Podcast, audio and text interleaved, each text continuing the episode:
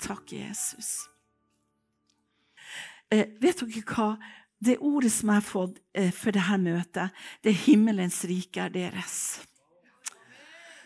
Og jeg må si at eh, Gud har holdt på lenge med meg med dette ordet. Altså 'himmelens rike er deres'. Og eh, Gud han forbereder sitt folk for et større gjennombrudd. Og når jeg hørte det ordet der, så fikk jeg et syn. Og da opplever jeg at jeg ligger i senga og jeg ligger der som tre deler. Kanskje noen av dere har hørt det før. Men jeg ligger der som tre deler. Og jeg kan nesten se meg sjøl litt, litt, ovenfra. Og så opplever jeg det at, eh, at ånden min lå i midten. Og så lå kroppen og så sjelen. Og så kunne jeg oppleve det at en del ut av sjelen var kjødet. Som ikke hadde fått sin vilje med Gud. Som faktisk ikke var død. Og så opplever jeg også at kroppen blir som en magnet og vil bevege seg til kjødet, til sjelen. Og bare sa, 'Kjære Gud, hjelp meg!' Og i det ropte Gud 'hjelp meg', så, så, gikk ånden på en måte til den delen som var sjelen min, som, som var bøyd under Gud. Og så sa bare Herren at og så Akkurat jeg havna i tempelet mitt igjen. Jeg havna i kroppen igjen. Og jeg kjente det var noe tungt som bare Der på soverommet. Der lå alene i senga. Og så kjente jeg på en måte at jeg havna i kroppen. Og så sa bare Herren til meg, «Anine, når ånden din blir så påvirka av den sjelen som er bøyd under Gud, så blir ingenting umulig. Da kan du virkelig være dette tempelet som det står om i Bibelen. At himmelens rike er deres. Og, og, og Herren sa bare det, at for han forbereder sitt folk på et gjennombrudd. Og jeg sa til Gud Gud, hvilket gjennombrudd er det egentlig? Og da sa Gud flere ting som jeg kommer til å ta i helga.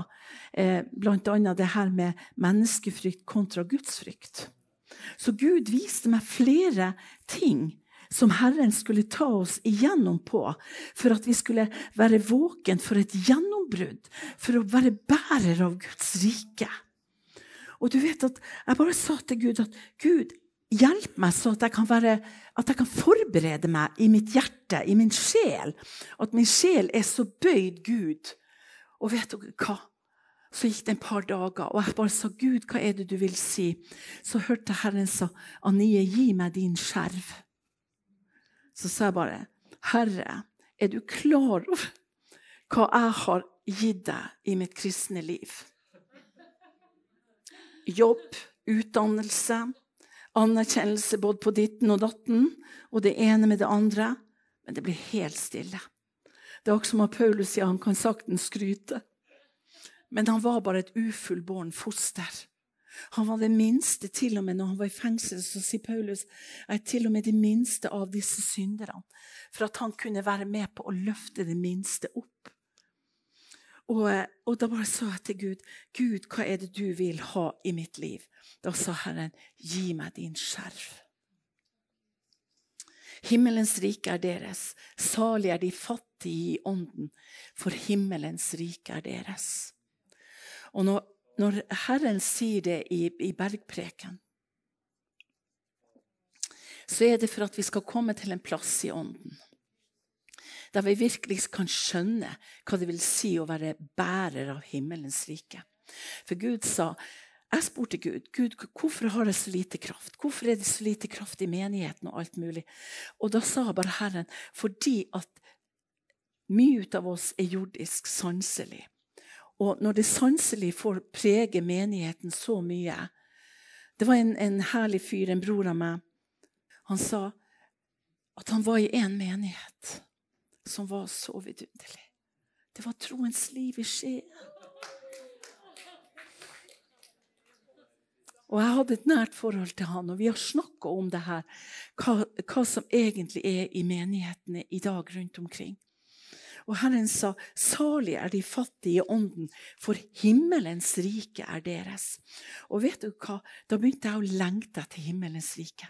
Jeg sa det, og vet du hva som skjedde dagen etter? Jeg gikk på trening, og jeg var bare så bra form. og jeg var så, Kjære Gud, nå skal jeg virkelig trene godt til jeg skal reise igjen. og Jeg trenger jo å kunne stå på høye hæler og alt det her. og og sånne ting. Og så var jeg så eplekjekk. Jeg heiv meg over en bukk for å liksom Og så knakk jeg to ribbein.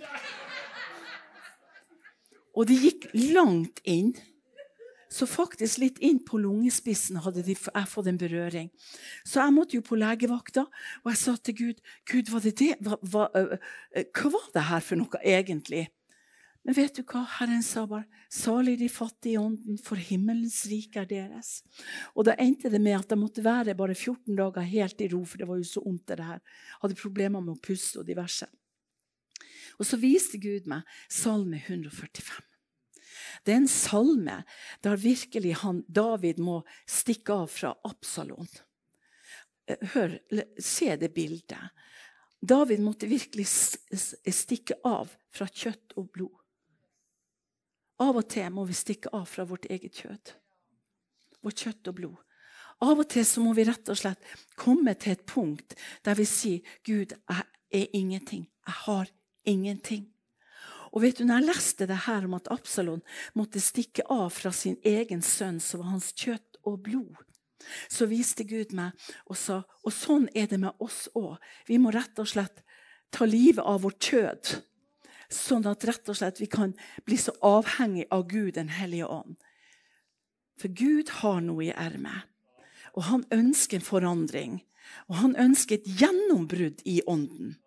Og vet du, når David han forkynner Guds storhet i Salme 145 og Egentlig så bruker han hele det hebraiske alfabetet i Salme 145. Det er den eneste gangen i hele Bibelen at hele det hebraiske alfabetet blir brukt. Til og med det minste tøddel. Er ikke det fantastisk? Og Der står det nemlig det i vers 13. Ditt rike er et rike for all evighet. Ditt herredømme skal bli stående gjennom alle slekter. Så med andre ord, han erklærer Guds rike. Og dette riket bor inni oss. Er ikke det fantastisk å tenke på? Der vi er, der er Guds rike. Når vi er frelst og født på ny. Og jeg syns det ble så stort for meg. Fordi at Jesus han begynte sin reise. Og vet dere hva? Jesus hadde vært 40 dager og 40 netter i ørkenen. Han kom tilbake med stor kraft. Og det han begynte å gjøre, han begynte å se seg om etter disiplene. Det første han gjør, han kaller fire fiskere til disipler. Og Der begynner Jesus å, i Matteus 5 og Matteus 6 å gjøre under og tegn. Og han helbreda syke. Han for fra by til by. Og Der står det, det at Jesus han begynte rett og slett å reise fra sted til sted. Og når Jesus begynte sin tjeneste i Galilea, så står det, det at da han hørte at Johannes var blitt fengsla, som hadde ropt om Guds rike, faktisk, så er det Jesus da begynner sin tjeneste. Og det som er så fantastisk når det står det om at det ordet som skulle bli oppfylt, som Jesus hadde Jeg leser i eh, Matteus 4, og så står det vers 12. Da Jesus hørte at Johannes var blitt fengslet, dro han til Galilea. Han forlot Nasaret og kom og bosatte seg i Kapernaum, som ligger ved sjøen, i Sebalon, Naftali. Det skjedde at han skulle oppfylles det som var talt ved profeten Jesajas, når han sier:" Sebulan-land og Naftali-landet, ved veien til havet, bortenfor Jordan, hedningenes Galilea. Det folket som er satt i mørket, har sett et stort lys, og over dem som er satt i dødsland og skygge, har lyset gått opp. Fra den tid begynte Jesus å forkynne, hør her, omvend dere, for himmelens rike er kommet nær. Og vet du hva, det slo meg i mitt hjerte. Og Herren sa akkurat er det det vi er i dag. Vi skal få lov å rope 'omvend dere, for himmelens rike er kommet nær'. Salig er de fattige i ånden, for himmelens rike er deres. Og når vi blir så avhengig av Jesus og virkelig kan begynne å gjøre det, så står det da vandret Jesus langs Galileasjøen. Han tok to brødre, Simon som blir kalt Peter, hans bror Andreas. De holdt på å kaste garn ved sjøen. De var, de var, nemlig fiskere. Han sier til dem, 'Følg meg, og jeg skal gjøre dere til menneskefiskere.' Da forlot de straks garnet og fulgte han. Da gikk han videre, og han så to andre brødre Josef, eh, Jakobs sønn, og Sebedeus og hans bror Johannes de var i båten sammen med sin far Sebadeus og bøtte garn, og han kalte dem, og de forlot straks båten og sin far og fulgte ham. Da var det fire stykker Jesus hadde fått, og han hadde sagt at Guds rike er kommet nær. Det som skjer med en gang, det at de totalt stoler på Gud. Herren sa til meg vi kan ikke være bærere av Guds rike hvis vi ikke forlater det trygge, det vi har. For det er det mange ganger som har satt en pil inn i hjertet på, på kristne i dag. Fordi de tør ikke faktisk å forlate det de har. Det er masse en del ut av dem, den tryggheten som gjør sånn Ja, ja, vi kan gjøre masse for Gud, men de må ha den biten av trygghet. Og Herren sa det kommer et folk nå som er villig til å forlate alt for å være bærer av Guds rike, for å våge å bli fattig i ånden og ikke få noe anerkjennelse for å love å være bærer av Guds rike. Det står videre her. Da står det det at Jesus han gjorde under og tegn. Det står i vers 23. Jesus gikk omkring i hele Galilea, underviste i synagogene, forkynte evangeliet om riket og helbredet alle slags sykdommer og alle slags skrøpeligheter hos folket. Ryktet om han spredte seg utover hele Syria. Herren sa når vi er bærer av Guds rykte, så vil det spre seg. Det vil være et rykte som kommer til å bli så påtagelig over Guds folk som det aldri har vært før da, da, eh, da, bar de til han alle syke mennesker som led av forskjellige sykdommer og plager. Her står det skrøpeligheter først.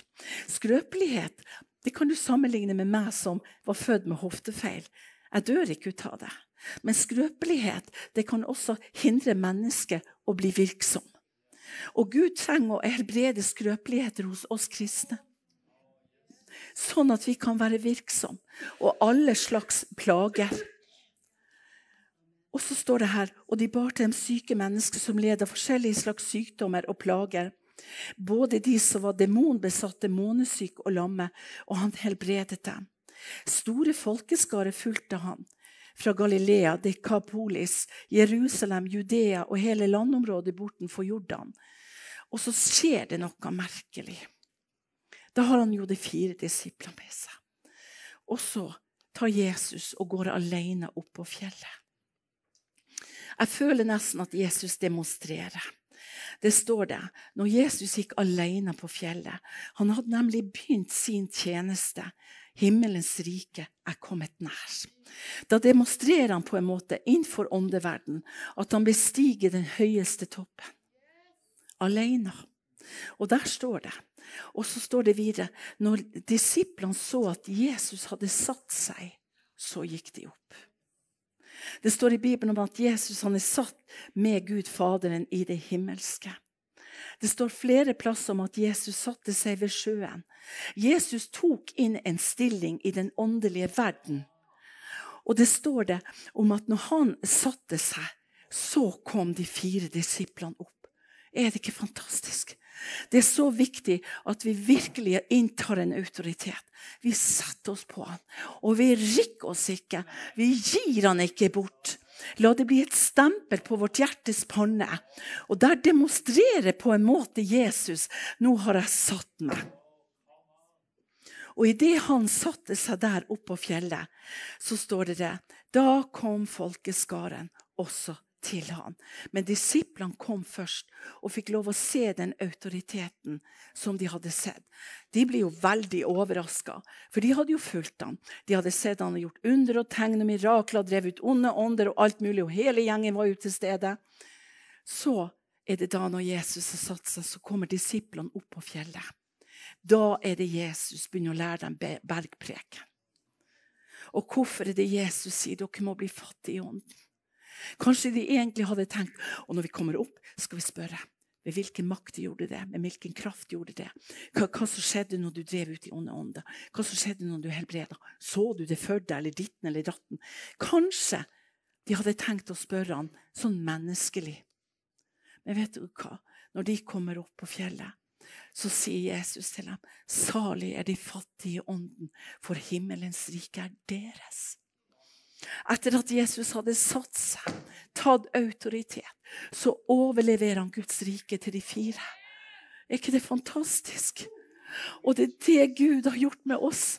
Og Derfor er det viktig at vi forlater alt som er på denne jorda. At vi tar et standpunkt. Og jeg sa til Gud Gud, du ber meg å gi deg min skjerv, og jeg vet jo knapt hva det er, Gud. Så sa jeg til Gud nå har jeg jo gjort sånn og sånn og sånn. og sånn.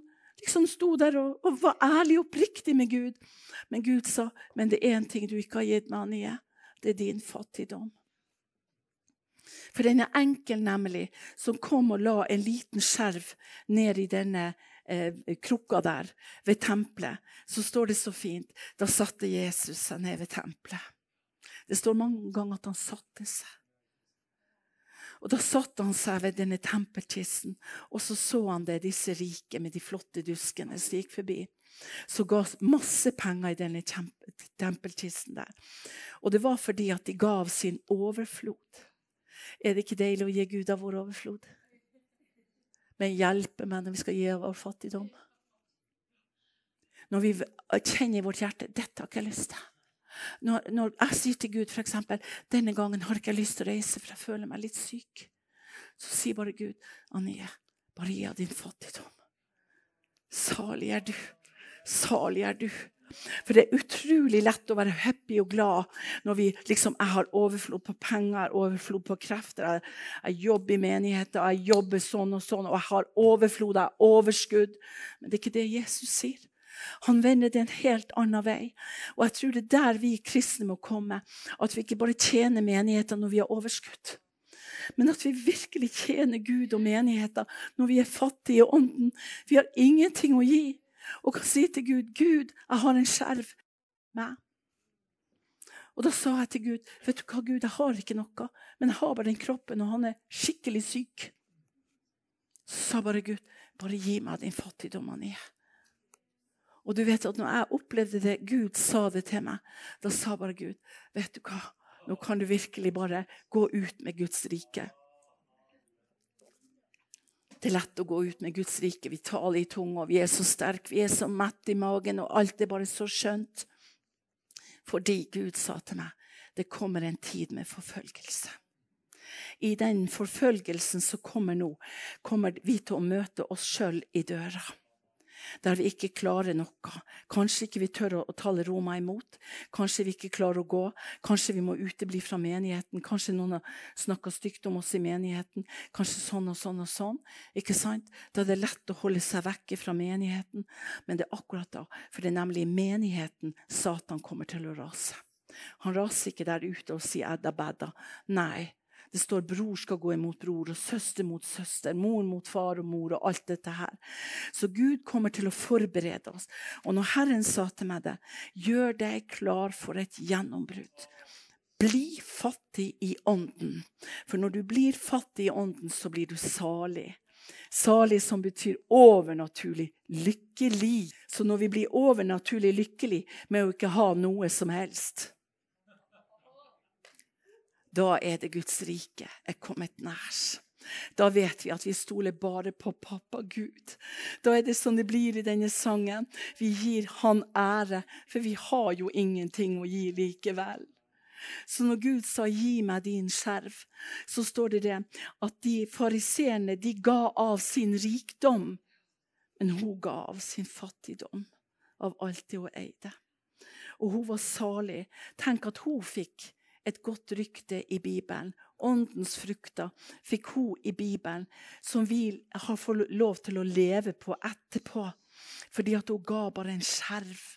Hun gav ingenting. Og jeg tror at når vi gir Gud vår skrøpelighet ingenting, så blir ryktene spredd. I den menigheten der er Guds rike. Det er da vi kan få lov til å se, som Jesus sier når han satte meg satte seg for disiplene at himmelens rike er dere. Salig er dere fattige i ånden. For han visste at de fire hadde gitt alt. De hadde ikke noe å komme med. De kunne kommet og gitt Jesus ting fordi han gjorde under og tegn det ene med det andre. Kanskje manipulert litt eller smigra litt eller noe. Men de hadde ingenting å gi. Og det er det som er så herlig, det å bli fattig i ånden. vet du hva, vi kan bare glemme å smigre. Vi har ingenting likevel. For det er bare, det er bare falt dødt til jorda. Og når folkemengden gikk opp, nei, når Jesus gikk opp på fjellet, så opplevde jeg det at Gud sa Annie, du må bestige dette fjellet hver dag for å bli fattig i ånden. For at himmelens rike skal være ditt. Og når jeg lå der med knekte ribbein og, og jeg bare følte meg elendig og influensisk og begynte å komme imot meg Og da bare sa jeg til Gud Gud, har jeg bare kunnet hatt lovprisning? Hadde ikke stemme til å lovprise Gud. Sa Gud fint. For Gud, han ser til hjertet. Ikke sant? Man kan mange ganger prøve liksom å opparbeide et eller annet i seg. Men Herren sa når vi kommer til han, det er himmelens rike. Og når Jesus blir først og sist, så var det på en måte en sånn proklamasjon i den himmelske verden. Og vi ser jo at disse fire er de som altså får lov senere, da, disse tre av dem, får lov å se når Jesus blir forherliget på fjellet. Vi må åndelig sett bestige et sånn fjell i ånden hver eneste dag. For å virkelig si Gud, la meg få lov å bli salig. For jeg har egentlig ingenting å gi. Og ikke streve eller stresse eller få forfremmelse eller et eller annet. Fariseerne spurte Jesus i Lukas 17, 20-21. Eh, Så sa de eh, Jesus, eh, eh, når skal Guds rike komme, og hvordan kommer det til å se ut? Så sa Jesus, det kommer ikke til å være slik som dere tenker. Og heller ikke skal dere se det framfor deres øyne. Ikke det vidunderlig? Så står det dere kan ikke si 'se, her er det', eller 'der er det', for Guds rike er inni dere. Og Herren sa når vi blir salig og fattige i ånden, så ser vi Guds rike i hverandre. Da kobler vi oss på hverandre. Da er vi ett i ånden, for vi ser Guds rike i hverandre. Da ser vi ikke hverandre 'Å, du har så mye penger på kontoen', 'og du er så slank og pen', 'og du er ditten og du er datten', og, og 'ja da, du er jo sånn og sånn', og du har det ene med det andre. Vi ser ikke på hverandre da på den måten. Vi ser på hverandre som Gud sier, salig er de fattige i ånden, for Guds rike er deres. Og Da kan vi koble oss med hverandre. Og jeg tror det er den enheten Gud ønsker å få plass i våre hjerter. Gud vil gi oss sitt himmelske rike, og det har vi jo hørt. Og når vi blir frelst. Men det står også noe annet i salingsprisen, som vi kaller det for. I første vers, eller i vers tre står det 'Salig er de fattige i ånden, for himmelens rike er deres'. Men så står det også et annet ord i salingsprisen. Der står det 'Salig er de som blir forfulgt for rettferdighetens skyld', for himmelens rike er deres. Så det er to ganger himmelens rike blir fortalt.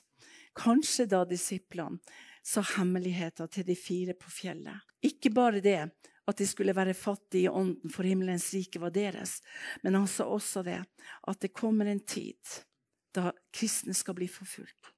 Uten at vi først blir fattige i ånden, kan vi heller ikke tåle forfølgelse.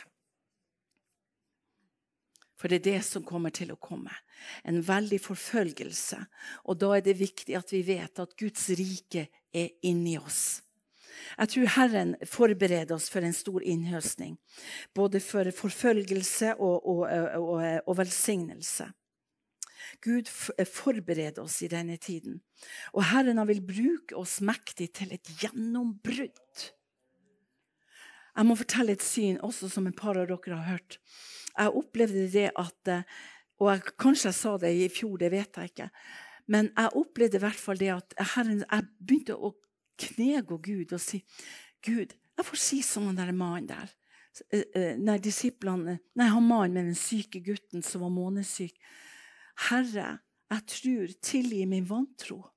Så begynte jeg å be til Gud at kjære Gud, jeg kan jo ikke bare føle troen, jeg må vite troen. For troen er full visshet, og den vet.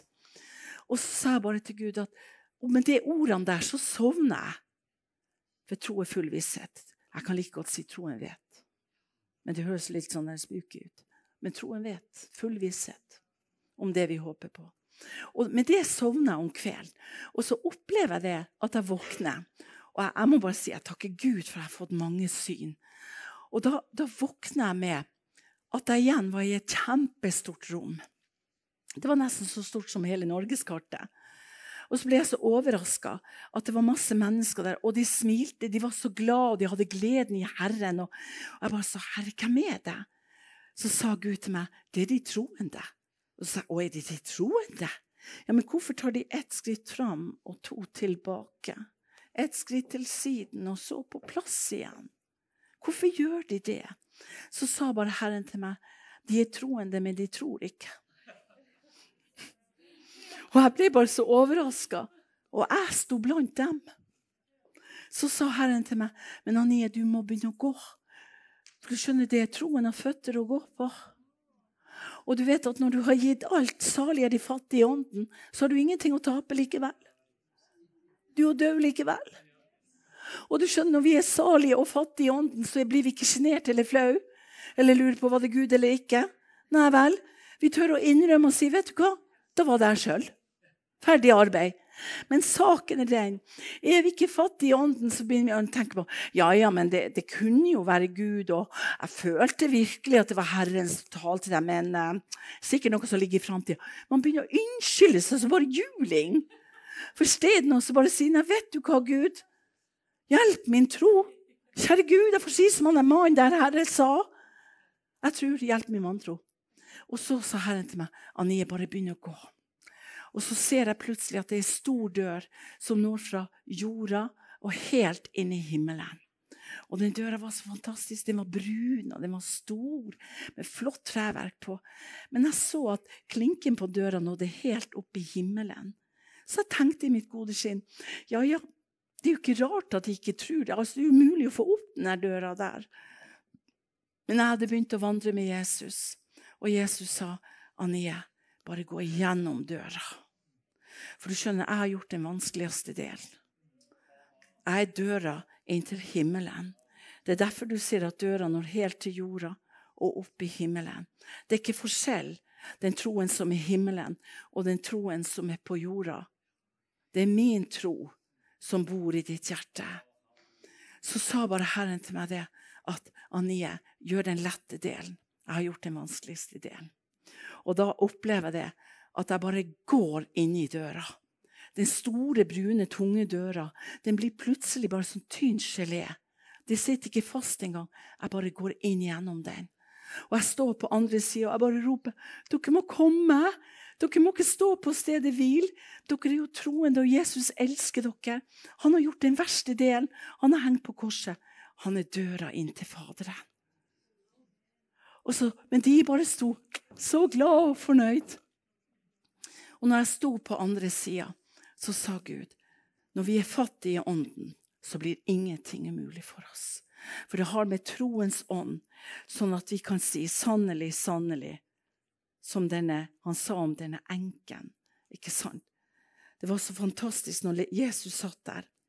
Og han sier, 'Sannelig, sannelig, sier jeg dere, denne fattige enken har gitt mer enn noen av de andre som la penger i tempelkisten, for de gav av sin overflod, men hun ga av sin fattigdom, av alt det hun eide å leve av. Da betyr ikke det at vi skal være fattige og ikke ha brød å spise og gå og tigge naboene for brød og mat. Det er ikke den fattigdommen, for vi trenger penger i denne tid. Det står i Bibelen om at vi skal gjøre, gjøre oss kjent med den urettferdige mammaen. Sånn at vi kan møte han i himmelen den dagen vi kommer hjem. Så vi trenger den urettferdige mammaen til å bruke han i Guds rettferdige rike. Så den fattigdommen Gud snakker om, det er det at vi har knagger å henge på.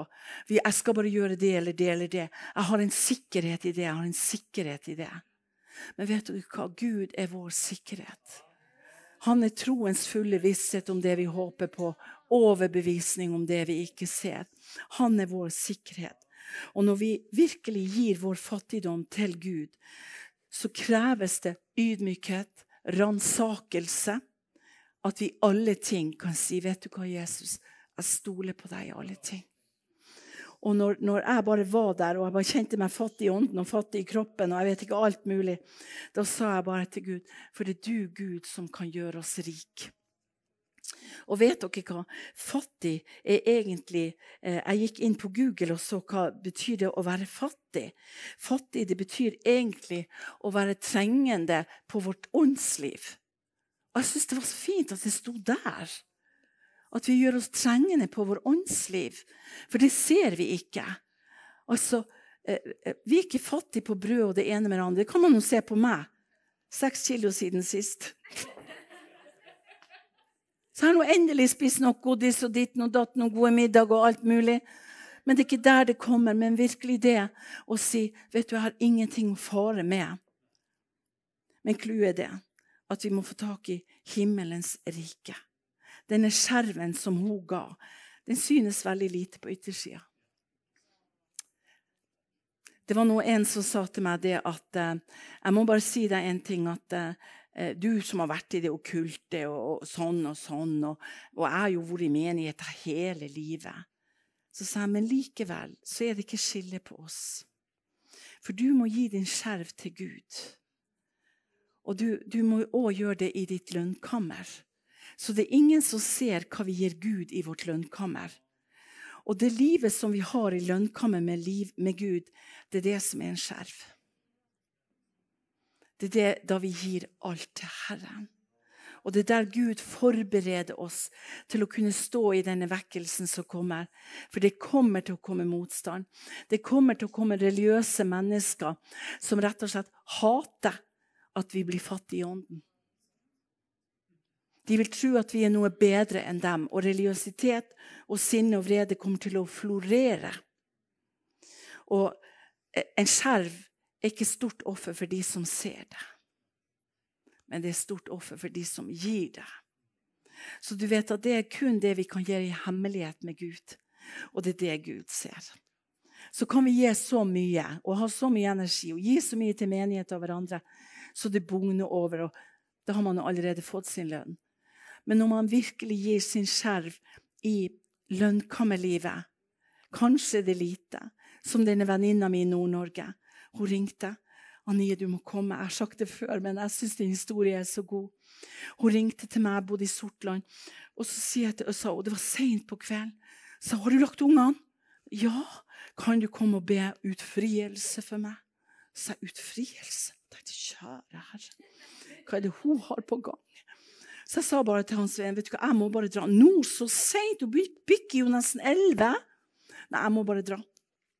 Og jeg for til Sigrid Sortland. Det var en stykke å kjøre da. Også snøfokk og alt det her. Og, og bare sa jeg bare til Gud Gud, Gud, du skal få lov å få utfrielse hos henne i dag. Og når jeg kom til henne, så sa hun du skjønner, jeg har et problem. Jeg spiser en pose kamfer hver kveld. Og så sa jeg ja, og så? Jeg bare venter på den såkalt utfrielsen. Så sa hun men det er blitt en byrde for meg. Det er blitt et pro problem. Så sa hun jeg klarer ikke å legge fra meg det Salonsal-bladet før om jeg leser en liten artikkel, før jeg spiste en pose kamfer. Så sa jeg ja, du, apropos den utfrielsen du nevnte. Så sa hun det er kamferposen. Vet du hva? Jeg visste ikke om jeg skulle flire eller skrike. Jeg bare ropte Gud, Gud, Gud, Gud. Men Herren sa at det er det som hun har i sitt lønnkammerliv. Det vises kanskje ikke mye for meg, men for hun ble det en byrde. Og det er det også som er med den skjerven vi gir til Gud. Kanskje andre tenker 'nei, hjelpe meg'. Det der, der gjør jeg noe stadig vekk. Er nå det noe?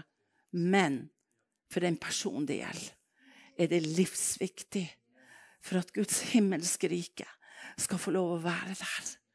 Og Derfor tror jeg denne preken er veldig personlig til hver enkelt av oss. For jeg tror nemlig at denne menigheten kommer til å bli en sentermenighet som kommer til å bli som et vannhull. Og vi kan se for oss denne ørken som er i dag rundt omkring. Kanskje de må komme hit for å få vann og mat. Kanskje man hører det breke langt borte. Så jeg tror rett og slett det kommer til å bli en menighet som har et vannhull. Der de er tørste, der de går i en ørken, og de har kanskje sin egen menighet til og med men at de må komme rett og slett for å få litt påfyll. Og det tror jeg at menigheten her kommer til å bli på den måten. Gud ønsker full overgivelse. Og det som er lite for naboen, kan være veldig, veldig mye for oss. Og Derfor tror jeg at Gud taler personlig til oss nå, for at vi skal leve i et guddommelig gjennombrudd. Så trenger man ikke da å se den store utfrielsen, at folk ligger og spyr og, og, og roper og ditten og datten. Men det kan bare være den lille skjerven som Herren ønsker hos hver enkelt av oss. Det står i, videre i Matteus 5, i det siste verset, så står det da Fry dere og juble av glede, for stor er deres lønn i himmelen. For slik forfulgte de profetene før dere. Så midt i alt dette, i salingsprisen, så springer det ut fruktene av et kristent liv. Det er så vidunderlig med salingsprisen, der det står om at salig vet du hva, Jeg må bare lese det. Der det står da sa Jesus, og det er så skjønt at det står på røst, for det er Jesus sine ord. Salig er de fattige i ånden, for himmelens rike er deres. Salig er de som sørger, for de skal trøstes. Salig er de ydmyke, for de skal arve jorden. Salig er de som hungrer og tørster etter rettferdighet, for de skal bli mettet. Salig er de barmhjertige, for de skal få barmhjertighet. Salig er de rene av hjerte, for de skal se Gud. Salig er de som skaper fred, for de skal kalles Guds barn. Salig er de som blir forfulgt for rettferdighetens skyld, for himmelens rike er deres. Salig er dere når de håner og forfølger dere for min skyld, og lyver og sier alt ondt om dere. Fry dere og gled dere og juble, for stor er deres lønn i himmelen. For slik forfulgte de profetene før dere. Og så kan vi da tenke den lille skjerven som Gud vil at jeg skal gi til Herren. Mange ganger kan vi oppleve det som en liten korrigering, og vi bare syns det er lite. Kanskje vi har gått på sjelesorg, og folk sa nei, det der er jo ingenting. Det er jo ingenting. Nei, det der er jo absolutt ingenting. Men vet du hva? Det kan være så viktig i vårt eget liv at virkelig Og vet du hva, når hun der venninna mi la hendene. Hun hadde faktisk gått og lagt seg. Så jeg måtte rett og slett finne nøkkelen på utsida i sneen. Og så måtte jeg låse meg inn. Og da lå hun der i senga, klar til å få utfrielse. For hun sa jeg vil ha et gjennombrudd i mitt liv. Jeg vil vite det, at jeg har gitt det til Gud, det som plager meg. Og så sa hun, for du skjønner det, jeg vet jeg kunne ikke komme til menigheten med disse greiene. Det ville jo bare bli latterliggjort. Men det var Gud som sa det. Og det var så fantastisk etterpå når jeg snakka med henne, så sa jeg bare til henne hvordan går det Så sa hun ja, jeg må være ærlig, være ærlig nå nøyer jeg bare med med én comfort. ja, den skjønne, skjønne dama. Gud ønsker at vi skal gå på høyde med Gud. Salig er når vårt innerste menneske blir full av fryd og glede. Og det er der også, i det indre mennesket, vi får en sånn, kan møte sjalusi. For salig det er faktisk også et ord som bunner på eh, eh, dyp, dyp sjalusi. En sånn dyp sjalusi som gjør sånn at, det, at det, det, som har med salighet, det går så høyt at mennesker blir eh, vred av en sjalusi på de når man blir salig. Jesus måtte bli fattig for at han skulle bli rik. Og det står i 2. Korintene 8,9.: For dere kjenner vår Herre Jesu Kristi nåde at da han var rik, ble fattig for deres skyld, for at dere ved hans fattigdom skulle bli rik. Er ikke det fantastisk? Så det er liksom ord mange ganger så blir det et paradoks. At han måtte bli fattig for at vi skulle bli rik. Og så snakker Jesus om at vi må bli fattige i ånden for å være salige. Og det er for at Gud, faktisk Jesus, skiller det, det menneskelige fra det åndelige. Når Jesus snakker om det jordiske fattigdom, så er det noe helt andre meninger. Men når Gud snakker om den åndelige fattigdommen, så er det det at Guds rike må få lov å komme i et kar som er så tomt fra seg sjøl. Fra å stole på seg sjøl til å kunne stole på Herren. Midt i det at han Svein hadde fått parkinson og, og mista jobben og fått varsling, så var det både flaut og ekkelt. Og vi hadde jo flytta til det huset der jeg hadde fått mitt bad, og alt det her, og alt var bare i skjønneste orden. Helt til jeg hører Herren si til meg, Annie, jeg vet hva du har i hjertet ditt. Så jeg, Gud, hva har jeg i hjertet mitt? Du skjønner, Det står i Bibelen. Hvis vi vet at Gud hører våre bønner, hva vi enn ber om, så får vi det. Men så er det viktig at vi hører Gud, da. Hva han har i vårt hjerte. Og så sa jeg bare til Gud jeg vet ikke hva jeg har i hjertet, men kan du si meg hva jeg har i hjertet, Gud? Vet du hva Herren sa? Du har lyst til å flytte. Og så sa jeg å nei, det går ikke an, Herre. Nei, nei, nei, akkurat den der tar jeg ikke. Jeg tenkt. For du skjønner det, Herre, vi har bodd her i ett år og to måneder. Og jeg har jo fått det som jeg vil. Det går bare ikke, Herre. Men vet du hva Gud sa til meg? Annie, jeg vet hva du har i ditt hjerte. Og så sa jeg, Gud, hva har jeg i mitt hjerte? Jo, du ønsker å flytte til de passivhusene som ligger nært sentrum der. Og så sa jeg, det er sant, Jesus. Og så sa Jesus, prøv meg. For du, når du vet hva Gud har i sitt hjerte, og når du vet hva du har i ditt hjerte, og du vet at Gud hører deg, så kan du be om hva du vil. Så jeg, OK, Gud. Jeg ber. Gud, jeg bare gikk for meg sjøl. Ja, det stemmer, det. Men det må ikke han Svein få vite. At jeg har lyst til å flytte, for da blir det Hurum Hei. Vi har bodd her i ett år og åtte måneder. Så sa det to Bjørg og Veronica. Vet du hva, jeg har lyst til å flytte. Og vet du hva, jeg tror at Gud er med på, på, eh, med på meg. Han er på min bane nå.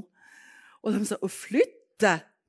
Så Bjørg ja, ja, ja, ja, hvis det er Gud, så Og så bare sier jeg til han Svein du Svein, vet du hva, har du noen gang kunnet tenkt deg å flytte igjen? Aldri i livet.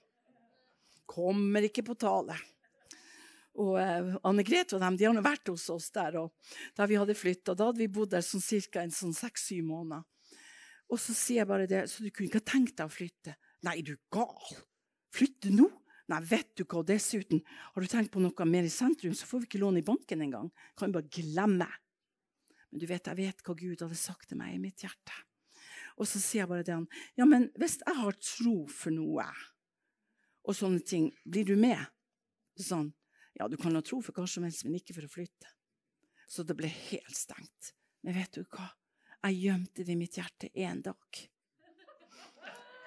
Og så lånte jeg hunden til uh, sønnen min. Og så gikk vi, skulle jeg gå sammen med Svein, for han skulle kjøre dit, så han måtte bruke bilen for å komme dit. Og så skulle vi møtes da på den Sotraparken. Og når han skulle gå i bilen og sette seg, så hadde jo jeg noen kilometer igjen å gå.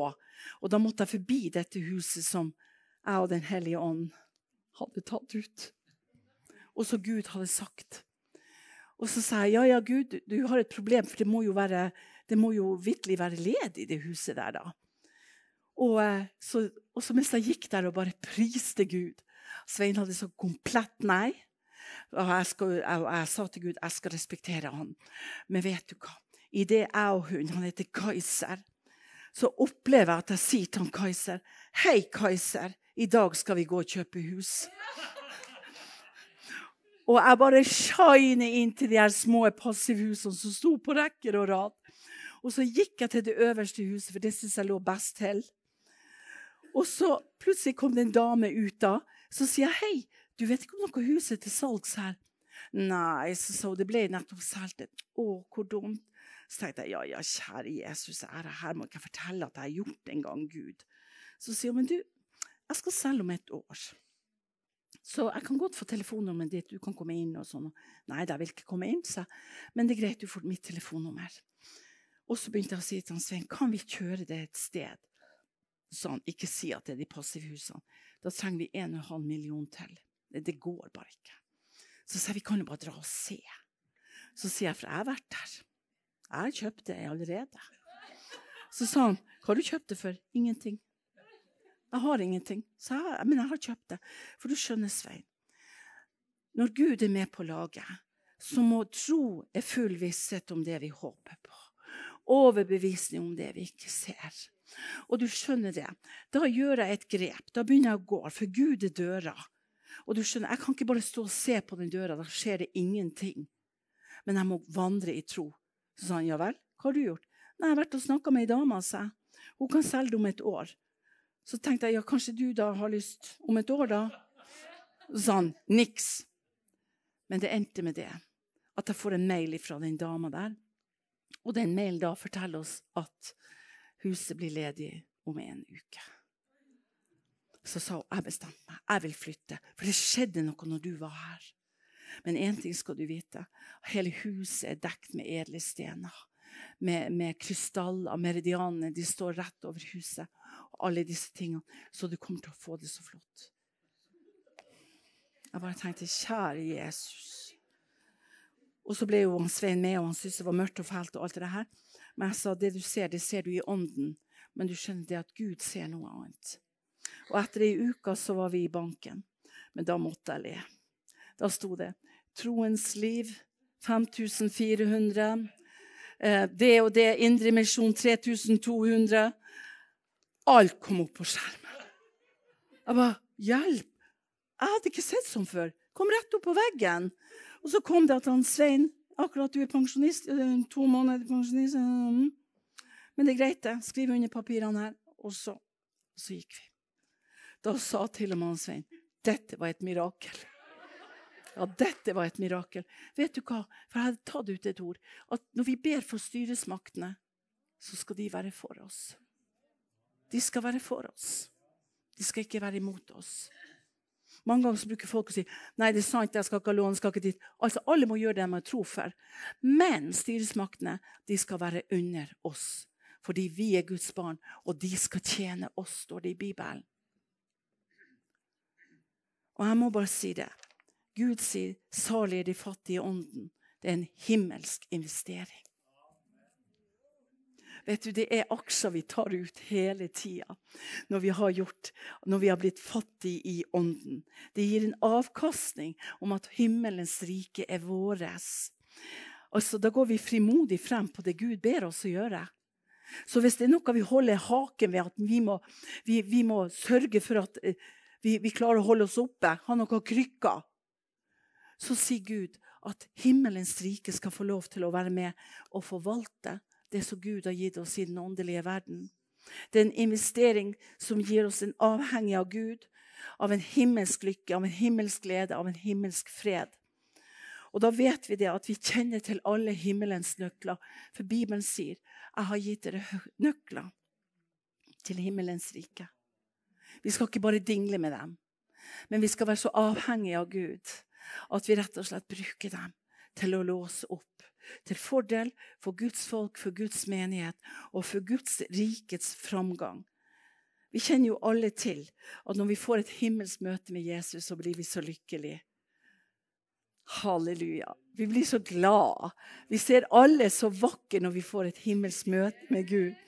Og jeg tror det er det, den leksjonen der er i salingsprisen fra Gud til oss. Når vi ser dette, så er det egentlig en oppskrift hvordan Gud vil at vi skal leve i dette livet. Tenk at det står om at vi skal se Gud, det står om alle disse tingene. Vi skal få lov å leve i det 24 timer. Og denne leksjonen i salingsprisen er noe som Gud vil at vi skal være bærer av 24-7. Så jeg bruker å si, 'Herre, la meg få lov å ha salingsprisen med meg i lønnkammerlivet.' Så jeg virkelig kan nære meg av den. At jeg kan si, 'Ja, vet du hva, dette er mitt DNA, Gud, Herre.' For at Gud sier jo at vi skal bli sterke i Herren og i Hans veldige kraft. Og da er jo vi nødt å ha noe som gir gjennombrudd. Vi trenger dette gjennombruddet i livet vårt. For vi skal gjøre større ting enn disse. Når disiplene kom opp på fjellet De hadde sett alle under og tegn og mirakler og drevet ut onde ånder og skrøpeligheter, svakheter og alt det der sier ikke Jesus bare at dere skal gjøre det samme som meg, men han sier bare 'salig er de fattige ånden', for Guds rike er deres. For det var det det begynte med, at Jesus sa 'omvend dere, for Guds rike er kommet til dere'. Er ikke det vidunderlig? Å, å, jeg er så desperat etter å få lov til å vandre i Guds rike.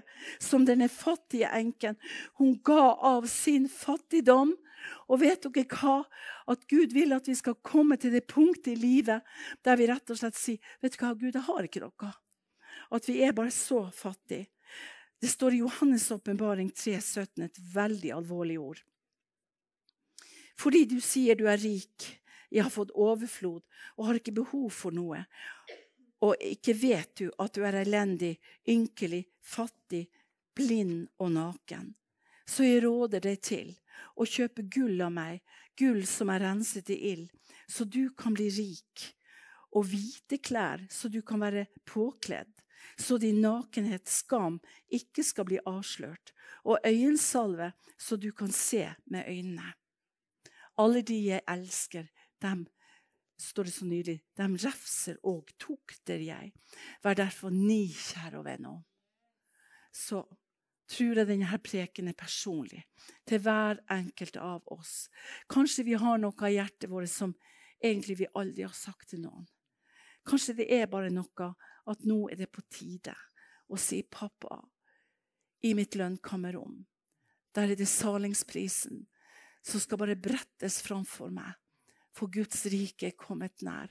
Og da skal vi kunne gjøre de samme tingene som Gud gjorde, som Jesus gjorde og til og med større enn det. Vet dere hva?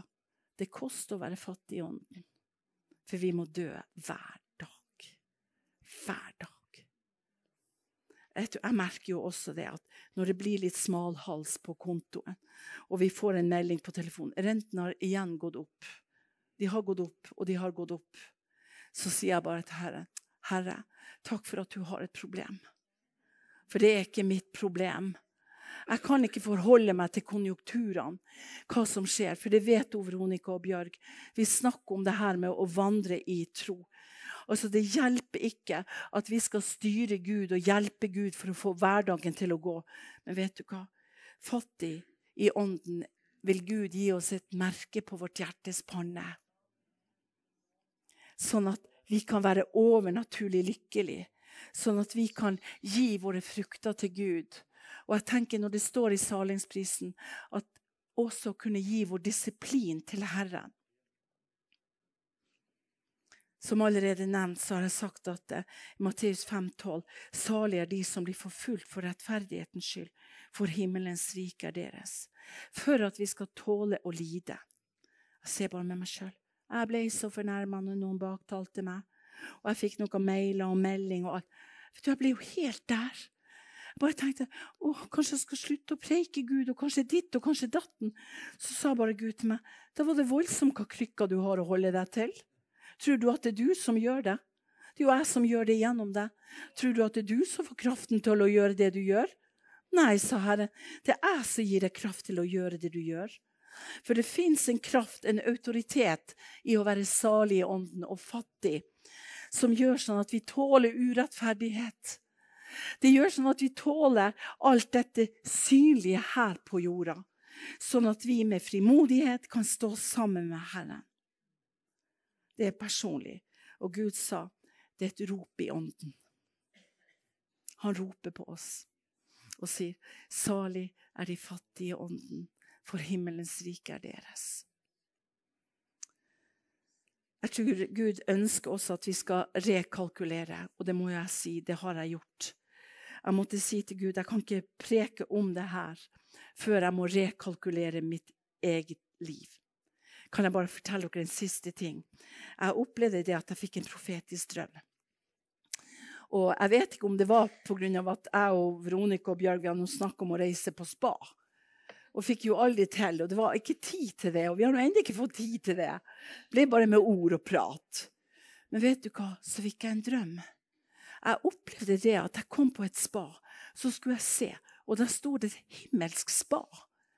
Og så ble jeg så overraska, for jeg var jo alene. Verken Veronica eller hun var med meg. Så tenkte jeg ja, jeg står jo her på utsida av døra, jeg må jo gå inn. Og idet jeg kom inn, så, så et flott, stort badekar. Så sto det en person der med en sånn morgenkåpe eller en sånn hvit drakt. Så sier jeg bare det at skal du være her? Nei da, sa han. Jeg har bare åpna døra for deg for at du skal få den hvite kledningen etterpå. Men du må ta deg et bad. Så sier jeg, skal jeg bade med klærne på? Ja, du skal bare bade med klærne på. Og idet jeg la meg med klærne på, så opplevde jeg at klærne begynte å prelle av. De ble litt klissete, og vannet ble skikkelig møkkete og svart. Og Jeg ble litt flau, og jeg tenkte det var noe godt at den personen gikk ut. Han hadde bare levna den frakken til jeg skulle kle på meg etterpå. Mens jeg lå der i det spaet, så kjente jeg jeg ble så flau. Så tenkte jeg det var noe godt at de klærne eh, prella av meg, for det ble både klissete og heslig. Så når jeg skulle gå opp av det spaet for å ta på meg den hvite frakken der, så prøvde jeg å ta litt ut av vannet ut. Og så tenkte jeg jeg tar litt ut av klærne ut, så legger jeg på baksida. Sånn at han som skulle liksom spørre om jeg var ferdig, kom tilbake. Men plutselig så, så jeg det var ikke vanlig vann. Det var ordets vannbad til fornyelse. At Gud hadde avkledd meg for å iklede meg, for å overklede meg med sin herlighet. Og Der går jeg og tar på meg den hvite frakken. Og så kommer det en person inn igjen. Og så sier han men du har du skjønner, du skal komme ut, og du skal stå i en flombelysning. Men så sa Herren, men har du sett deg i speilet? Nei. Så sa han, jeg tror du må ta deg en titt i speilet. Så skulle jeg se. Da var maskaraen rent nedover kinnene. Håret jeg så ikke ut. Så sa han det, for at jeg vil at du skal ta deg en titt i speilet. For at du kan få se hvordan du ser ut. For nå ser du bare stykkevis og delt. Plutselig mens jeg så i speilet, og vaska ansiktet, så jeg Jesus. Og så sa han, 'Er du klar til å ta fotoshoot nå?' For nå står de andre og venter på deg. Og da sto jeg sammen med andre. Og det var en sånn flombelysning at jeg bare sto og takka Gud for at jeg hadde fått lov til å komme på det himmelske spa. Og så bare kom jeg til meg sjøl og så tenkte Guri, hvor ekkelt det var. Det var skikkelig ekkelt. Jeg kjente jeg fikk gudsfrykt, rett og slett. Og jeg kjente, jeg sa til Gud, Herre, du må fornye meg. Du må fornye meg. Du må ikle meg, overkle meg, sånn at jeg kan få lov til å stå i din flombelysning. Halleluja. Og det er det Jesus ønsker å gjøre med oss i dag. Han ønsker at vi skal faktisk bare stå i Herren sin flombelysning. Og jeg har så lyst til at vi skal bare reise oss. Og så vil hver enkelt av oss ha kanskje bare en lite kamfer sukkertøy. Men det er nok når Gud ønsker at vi skal bare gi det til Herren. Så jeg har bare lyst til å, be i bønn for oss alle. Himmelske Far, jeg takker deg, Gud, for nå står vi i din flombelysning, Herre. Og Jesus, du kjenner hjertets innerste menneske. Og du ble fattig for at vi skulle bli rik, Herre. Og nå står vi i vår fattigdom, Herre, og vi bare gir deg hver eneste tøddel sånn som David gjorde. Han måtte løpe fra kjøttet, fra sin egen sønn. Og vi vil bare løpe ifra dette kjøttet, Gud Herre. Og vi vil ikle oss din herlighet. Så avkle oss nå, Far i himmelen. La vi få kjenne, Gud, om at du rusker tak i oss, sånn at vi kan bli salig, fattig i ånden, Herre. Har, noen har kanskje bare et kamfersukkertøy, men Gud, vi gir det til deg nå i denne stund. Jesus, Jesus. Herre. Takk, Jesus, for at du har gitt oss en oppskrift i det vi kaller for salingsprisningen, Herre. Må du bare hjelpe oss, så vi tar det med oss i vårt lønnkammer, Herre. At vi kan få lov til å bare ikle oss det, sånn at vi kan være rusta og styrka til det som møter, møter oss, Herre. Uansett om det er sykdom eller plager, fattigdom, baktalelse. Om vi må lide martyrdøden for din skyld, Herre. Så ber vi Gud. Herre, fyll oss med din salighet. Den overnaturlige lykkeligheten. Den misunnelsesverdige lykkeligheten som du gir oss i din glede, Herre. Det bare ber vi om i Jesu navn. Og jeg hører bare Den hellige ånd si, er kommet for å møte ditt hjerte.' For å kysse deg, sier Herren. For å kysse deg med et hellig kyss på ditt hjertes panne. For at du skal være sterk og skodd for det som ligger der fremme. For at du skal være bærer av åndens frukter. Som tror alt, tåler alt, håper alt og utholder alt. Takk, Herre. Takk, Jesus. Takk, Jesus.